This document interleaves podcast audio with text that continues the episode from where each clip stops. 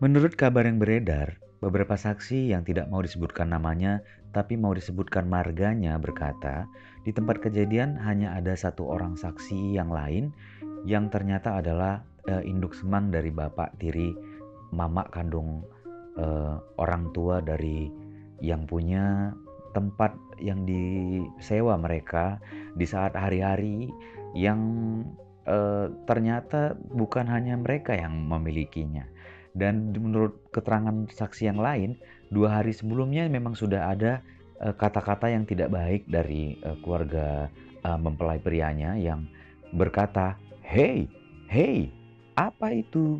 Itu kan barang milikku."